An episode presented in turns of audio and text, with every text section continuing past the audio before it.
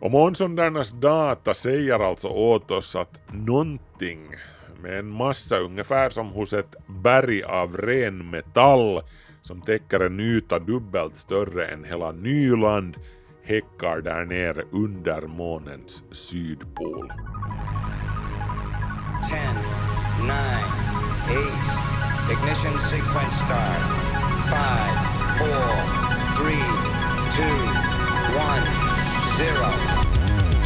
Quantum leap. Quantique. Salto quântico, salto quântico, salto quântico. Salto quantico. Salto. Salto quantico. Kvantum, det du inte visste att du ville veta. De klara dagarna med blå himmel nu i april har gett oss en spektakulär vy över vår kära måne, till och med dagtid. Så slående var synen häromdagen att en upprörd kvinna på sin cykel stannade mig en eftermiddag när jag var ute med hunden och undrade om jag hade sett den där, den där flygande saken där uppe eh, var då, eh, nå där var den just för en stund sedan. Nå, efter lite spanande kom vi till att det var månen som hon hade sett. Där var den sen. Under sina 46 år hade den här holländska damen aldrig sett månen på dagen. Nå, sånt händer. Oavsett när och hur man beundrar månen så är det ju i alla fall en sak som aldrig förändras. Månens ansikte. Månen vänder samma sida mot jorden hela tiden. Dess rotation är låst av jordens gravitation. Så vi är väldigt bekanta med gubben i månen, så att säga. Och vad folk nu än tycker sig se där uppe. Eh, kineserna ser en hare som kärnar smör där uppe, eller någonting i den stilen. Men du visste väl att månens baksida ser helt annorlunda ut? Vi skulle antagligen bli chockade om månen skulle svänga sig 180 grader.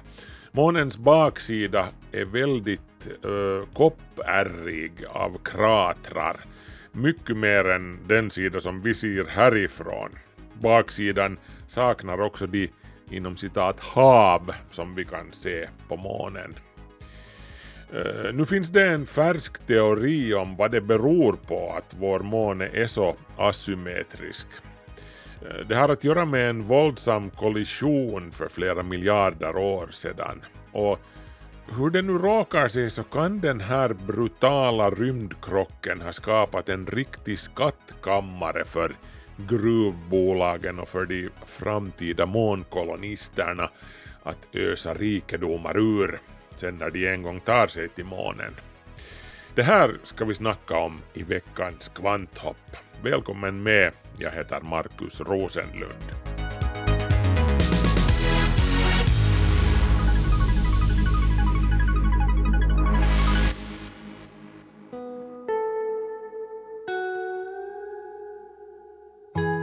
Vi kan ju inleda med att prisa månen en aning, för vår kära gamla Luna förtjänar det. Vi har en magnifik måne. Jordens måne är med sina 3400 kilometer i diameter den största månen i solsystemet i förhållande till sin planet, även om den bara är den femte största mätt enligt absolut storlek. Den största månen i solsystemet är Jupiters måne Ganymedes som är nästan 5300 kilometer i diameter, vilket i sin tur gör den större än planeten Merkurius. Nåjo, men vår måne är självklart också den enda himlakropp som människor har landat på, förutom vår egen jord då.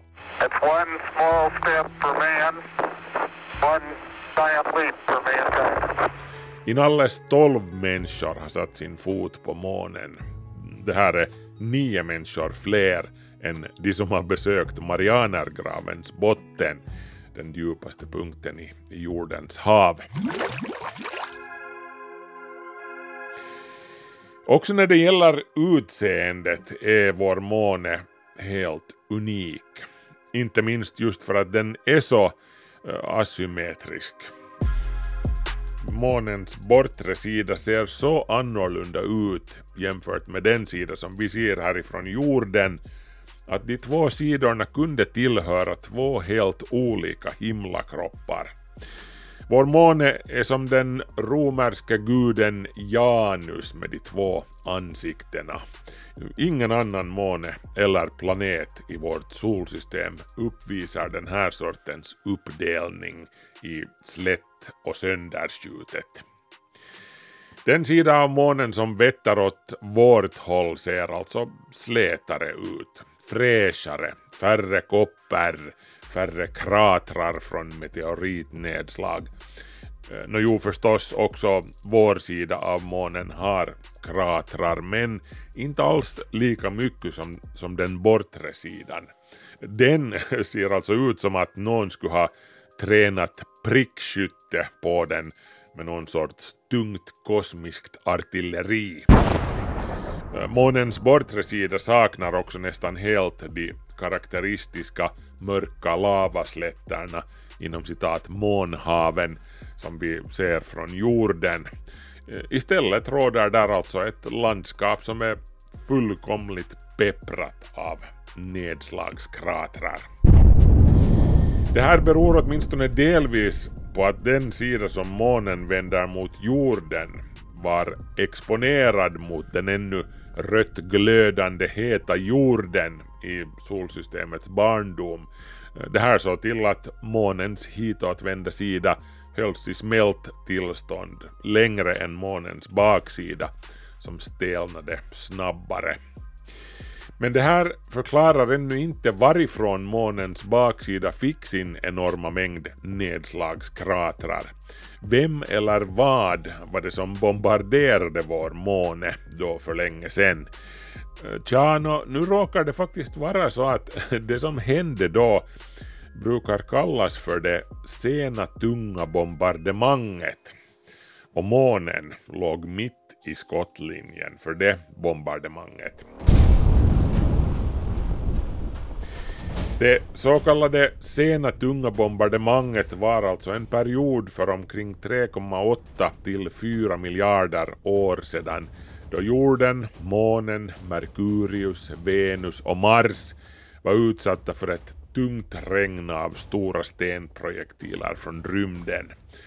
Meteoriter och asteroider med andra ord.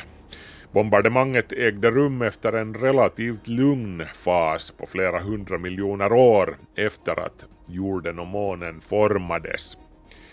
Också senare har ju jorden nog utsatts för liknande asteroidkrockar. En av dem sägs ju till exempel ha orsakat dinosauriernas massutdöende för 66 miljoner år sedan.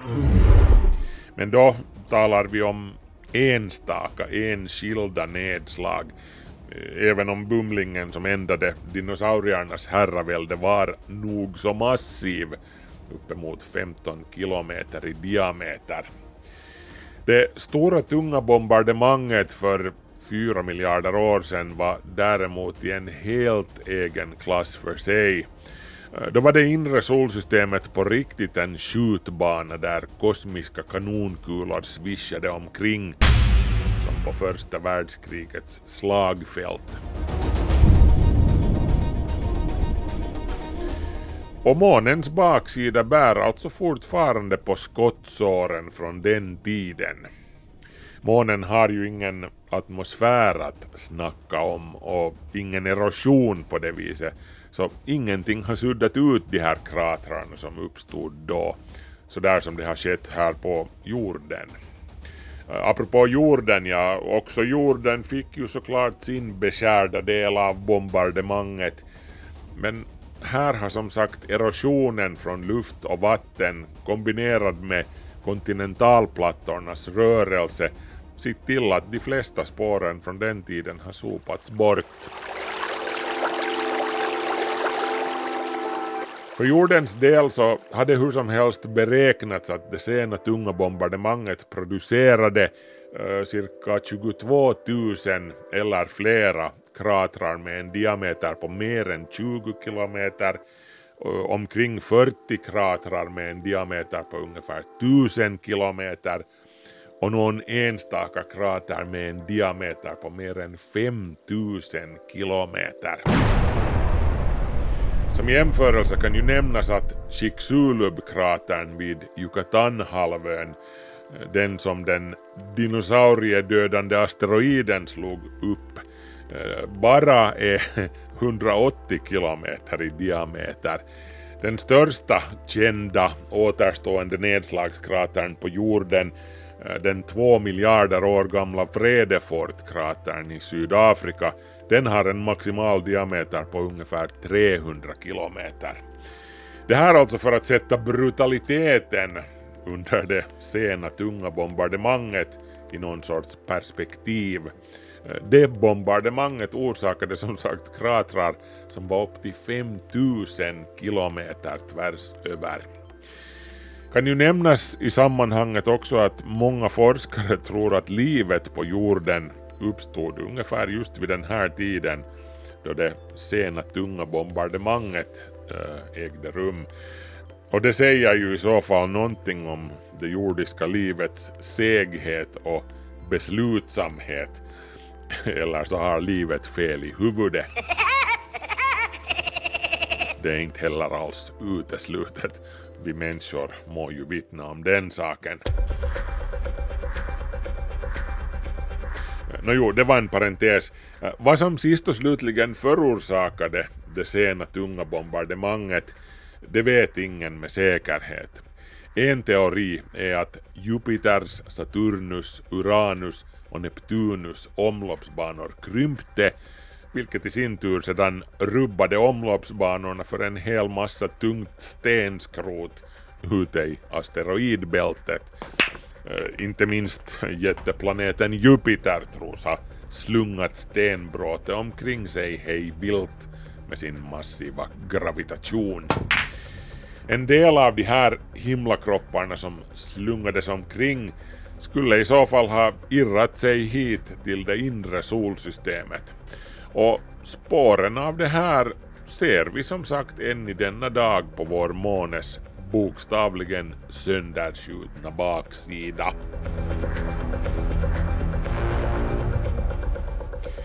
De första människor som såg den här synen med egna ögon var för övrigt besättningen på Apollo 8-expeditionen. De var de första som rundade månen. Året var 1968. Now you can see the uh, long shadows of the lunar sunrise. Apollo 8-expeditionen var hur som helst inte först med att fotografera månens baksida. Den allra första glimten av det här aldrig förskådade landskapet fick mänskligheten i och med den obemannade sovjetiska månsonden Luna 3 eh, nio år tidigare. Men till saken nu. Vi vet alltså vad som orsakade kratrarna på månens baksida. Men nu finns det alltså en ny studie som försöker sprida lite ytterligare ljus över mysteriet med den betydligt slätare sidan av månen, den som vi ser härifrån jorden. Jo, vi vet att de relativt släta månhaven orsakades av vulkanism på månen. Men vad var det som utlöste den här vulkanismen?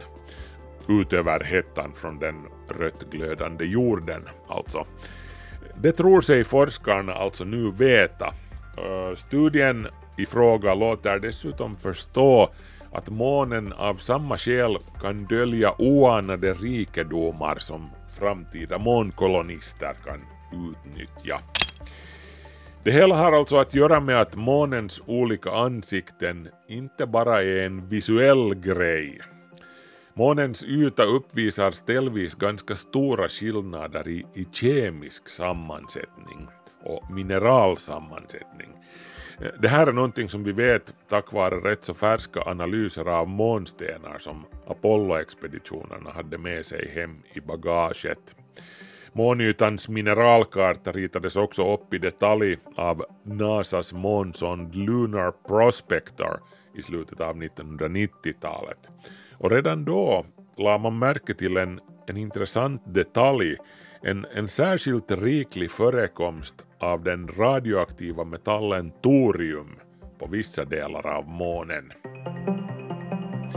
Torium är alltså ett av de här grundämnena som betraktas som en nyckelresurs inför framtiden, inte minst här på jorden, i och med att det går att använda som bränsle i kärnreaktorer. Forskning i torium som kraftkälla idkas bland annat i, i Norge, Indien och Kina. Indien som har omkring 25 procent av världens toriumreserver men ont om uran eh, planerar att fasa ut uranet totalt och med tiden gå över helt och hållet till torium.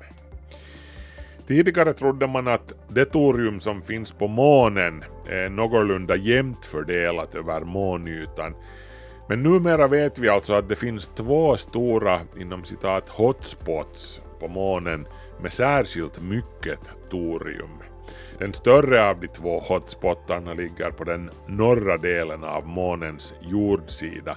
Den sammanfaller med utsträckningen hos Stormarnas hav, eller Oceanus procellarum, som är det största av månhaven, samt det närbelägna regnens hav, Mare Imbrium.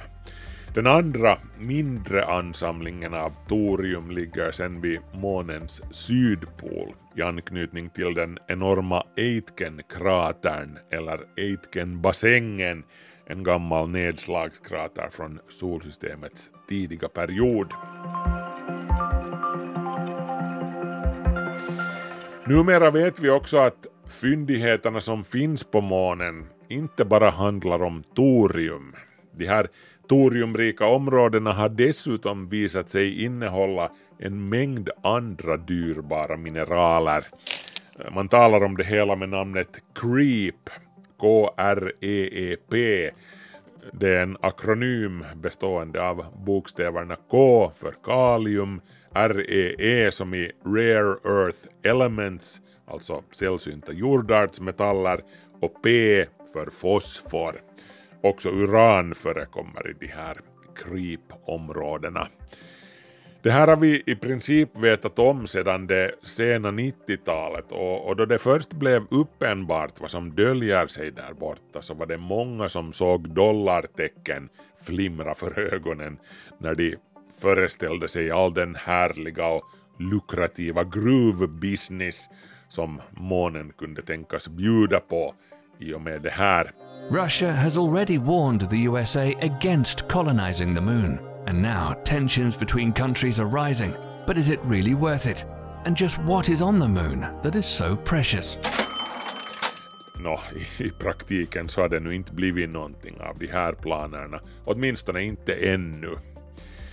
Men det riktigt nya här som den senaste studien lyfter fram är sättet som de här skattkamrarna eller creep-zonerna tros ha uppstått. Och det anknyter samtidigt till mysteriet med månens ovanligt släta ansikte här på jordsidan medan baksidan är helt sönderskjuten. Månens slätare ansikte, det som vi ser härifrån jorden, hyser som sagt de så kallade månhaven, eller Maria på latin. Enorma lavaslätter som härstammar ungefär från tiden för det sena tunga bombardemanget för 3,8 till 4 miljarder år sedan. Det är fortfarande sannolikt att de här månhaven som en gång svallade av lava och inte av vatten hölls i flytande form längre än månens övriga regioner, dels på grund av att den sidan var vänd mot den röttglödande jorden. Men man tror alltså nu att den rikliga förekomsten av radioaktiva substanser som uran och torium, vilka frigjorde värme i sig, kan ha bidragit till att hålla igång vulkanismen i de här områdena längre än vad som annars hade varit fallet. Men då har vi fortfarande inte besvarat en ganska central fråga här. Hur kommer det sig att lavan med alla de här dyrbara och sällsynta mineralerna välde upp just där som de stora månhaven ligger idag? En stor del av de här mineralerna hör ju egentligen inte alls hemma på ytan. De återfinns ofta mycket djupare ner. Det här är ett gammalt mysterium som den nu aktuella studien försöker besvara. Och nyckeln till svaret ligger i den andra, mindre creep-ansamlingen som ligger i, i den enorma Aitken-kratern, eller Aitken-bassängen, på den diametralt motsatta sidan av månen, vid månens sydpol. Just det, forskarna menar alltså att det finns en koppling mellan Aitkenbassängens mysterium och mysteriet med de stora creep-ansamlingarna på den motsatta sidan av månen, på vår sida så att säga.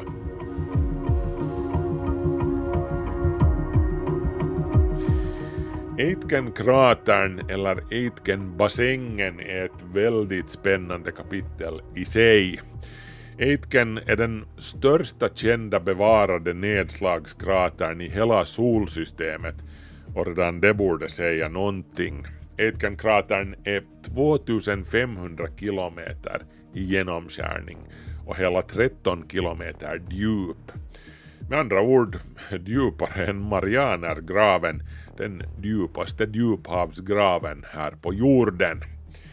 Aitkenkraterns randberg, själva kratervallen, är i sin tur höga som Mount Everest, omkring 8 kilometer. Och det är dels just på grund av att Aitkenbassängen är så djup som det finns mindre kratrar inuti den dit solens strålar aldrig når. Där vet vi idag att det förekommer is, med andra ord vatten, som framtidens eventuella månkolonister kan utnyttja. Just månens sydpol brukar omnämnas som den starkaste kandidaten för eventuella framtida månbaser. Djupt nere under Aitkenbassängens botten, skyddat från våra nyfikna blickar, ligger det någonting stort och massivt. Någonting som sannolikt består av metall. Någonting som sannolikt kan förklara mysteriet med månens släta jordsida med sina dyrbara krypmineraler. Vi vet att en stor kosmisk hund är begraven här så att säga, under Aitkenbassängens golv. Det här vet vi tack vare NASAs månsonder Grail och Lunar Reconnaissance Orbiter. De har gjort exakta mätningar av variationer i månens gravitation och topografi under de senaste 15 årens lopp. Och månsondernas data säger alltså åt oss att någonting med en massa ungefär som hos ett berg av ren metall som täcker en yta dubbelt större än hela Nyland häckar där nere under månens sydpol. Det här någonting är väldigt massivt och sträcker sig så pass djupt ner under månytan som 300 kilometer. Det har en beräknad vikt på drygt 2 triljoner kilo. Det är samma som en tvåa följd av 18 nollor. Så massiv är den här klumpen i fråga att den skapar sin egen tyngdkraft, vilken i sin tur drar Aitkenbassängens botten neråt med ytterligare 800 meter. Och den mest sannolika, no, egentligen den enda rimliga förklaringen till någonting som är så massivt men ändå relativt kompakt är alltså att det som ligger där nere består av ren metall. Det här skulle bland annat förklara några av de magnetiska anomalier som har uppmätts på månen. Och det här betyder ju sen naturligtvis inte att det är utomjordingar från Sirius som har parkerat sitt moderskepp nere under månens sydpol. Det betyder snarare att vi har att göra med en jättelik asteroid eller planetkärna som har slagit ner där som en enorm kosmisk kanonkula i något skede av månens tidiga historia, som sagt för omkring 4 miljarder år sedan. Eh, en projektil som får Chicxulub-asteroiden, den som utrotade dinosaurierna, att se ut som en liten flörtkula. Tänk på det, alltså. En kanonkula av solid metall med en vikt på två triljoner kilometer som smäller in i månen med en fart på sådär 70 000 kilometer i timmen. Inte att undra på att kratern som smällen skapade är så stor att hela Finland skulle rymmas där på längden mer än två gånger om inom kraterns diameter. Och det är alltså den här klimpen som är källan till månens mystiska krypfyndigheter, åtminstone indirekt. De fyndigheter som finns i själva Aitkenkratern och de som ligger i månhaven på vår sida av månen. Forskarna bakom den här nya studien körde datorsimuleringar av vad som händer när en projektil av Aitken-meteoritens storlek träffar månen i olika vinklar. Vad händer med månens inre magmaflöden och, och konvektionsströmmar och, och så vidare? Och i så gott som alla scenarier ledde det till att månens inre rörs om tämligen totalt. Inte att undra på kanske med en sån skräll. Och man tror alltså att den här riktiga skrällen för nästan fyra miljarder år sedan ledde till en brutal ommöblering av månens inre. Het magma satte sig i rörelse och började strömma genom månens hjärta och, och ända upp mot den norra delen av månens jordsida. Med andra ord mot det ställe där de stora månhaven ligger, som alltså innehåller de stora krypfyndigheterna, som de kallas, med torium och uran och all världens dyrbara sällsynta jordartsmetaller. Den här sortens tunga mineraler sjunker ju normalt in i en himlakropp när den ännu är, är het och i flytande form. Det leder till att ytans stenskikt ofta består av lättare mineraler, så också här på jorden och på månen, sådär som regel. Krypfyndigheterna i de stora månhaven knuffades med andra ord upp från månens inre av energin från den enorma smällen när en väldig asteroid eller planetkärna sköt rakt in i månens undersida för nästan fyra miljarder år sedan. Allt det här radioaktiva toriumet och uranet i krypmineralbubblan som smällen knuffade upp från månens motsatta sida alstrade sedan så mycket hetta att det ledde till ihållande vulkanisk aktivitet. Och det här höll sedan inom citat vår sida av månen i smältform mycket längre än månens baksida genom hela det sena tunga bombardemanget. Och det är därför som vi inte ser lika många meteoritkratrar här på den här sidan av månen, den som vetter mot oss, medan månens baksida är helt pepprad med kratrar. Nå jo, allt sånt här är ju sånt som är trevligt att veta, men det finns som sagt också praktiska och potentiellt lukrativa möjligheter för framtida gruventreprenörer här i och med allt mineralgodis som Aitken-projektilen knuffade upp från månens hjärta. Eh, de här fyndigheterna kan komma att utgöra råvarorna och energikällorna för eventuella månkolonier i framtiden. We confirm ignition and the thrust is go. Apropå det så har vi ju ännu sen själva nedslagsplatsen, stället alltså där den gigantiska rymdprojektilen slog ned vid månens sydpol. Eh, också där i det 13 kilometer djupa inom citat skottsåret finns det en mindre koncentration av krypmineraler. Månens sydpol har under den senare tiden varit föremål för ett allt större intresse från de stora rymdnationernas, USAs och Kinas sida. Eh, faktum är att Kinas månlandare Chang'e 4 och den medföljande rovern U22 är där nere och snokar i Aitken-bassängen just nu. Chinese authorities have sent a congratulatory letter to the Aerospace Control Center for the Chang'e 4 spacecraft mission. Månens sydpolsregion räknas nämligen av många som den mest lovande platsen för den första eventuella permanent bemannade månbasen. Aitkenbassängens djupa kratrar dit solens strålar aldrig når tros som sagt innehålla is, fruset syre och andra viktiga råvaror som en månkoloni skulle behöva. De här grejerna kan man ju inte liksom ta med sig när man reser iväg från jorden. Det, det behöver finnas där på plats och ställe när man anländer.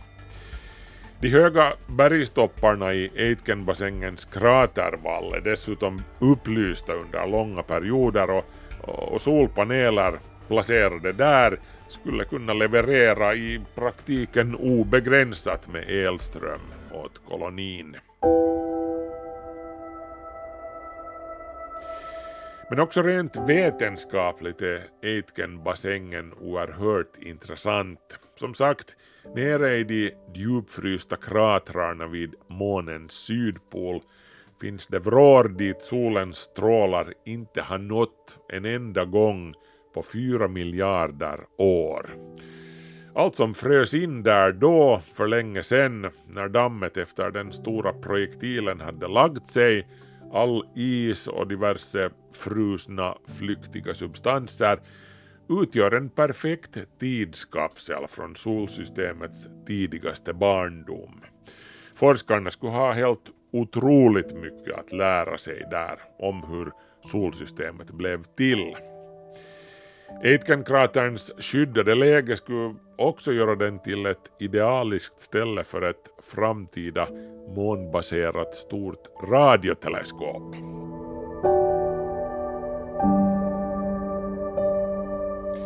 Med andra ord, summa summarum, all den här potentialen, alla dessa möjligheter för mänsklighetens framtida expansion ut i rymden Eh, bara tack vare en enorm metallprojektil som sköt in i månens hjärta för fyra miljarder år sedan.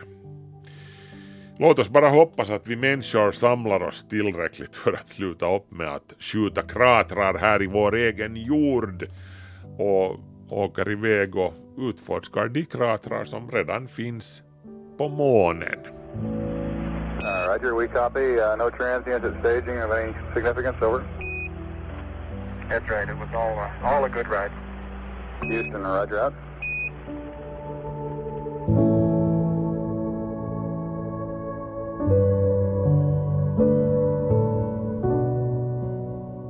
Och det var det, tillbaka till jorden. Eh, Kvanthopp är slut för den här veckan men ett nytt avsnitt hittar du igen nästa lördag på Yle Arenan eller i Yle Vega på både lördag och söndag sänds Kvanthopp. Och vill du skriva till oss så går det bra via adressen kvanthopp.yle.fi eller så går du in via vår Facebook-sida och kontaktar oss den vägen. Markus Rosenlund så heter jag som nu tackar för visat intresse och säger på återhörande. Hej så länge!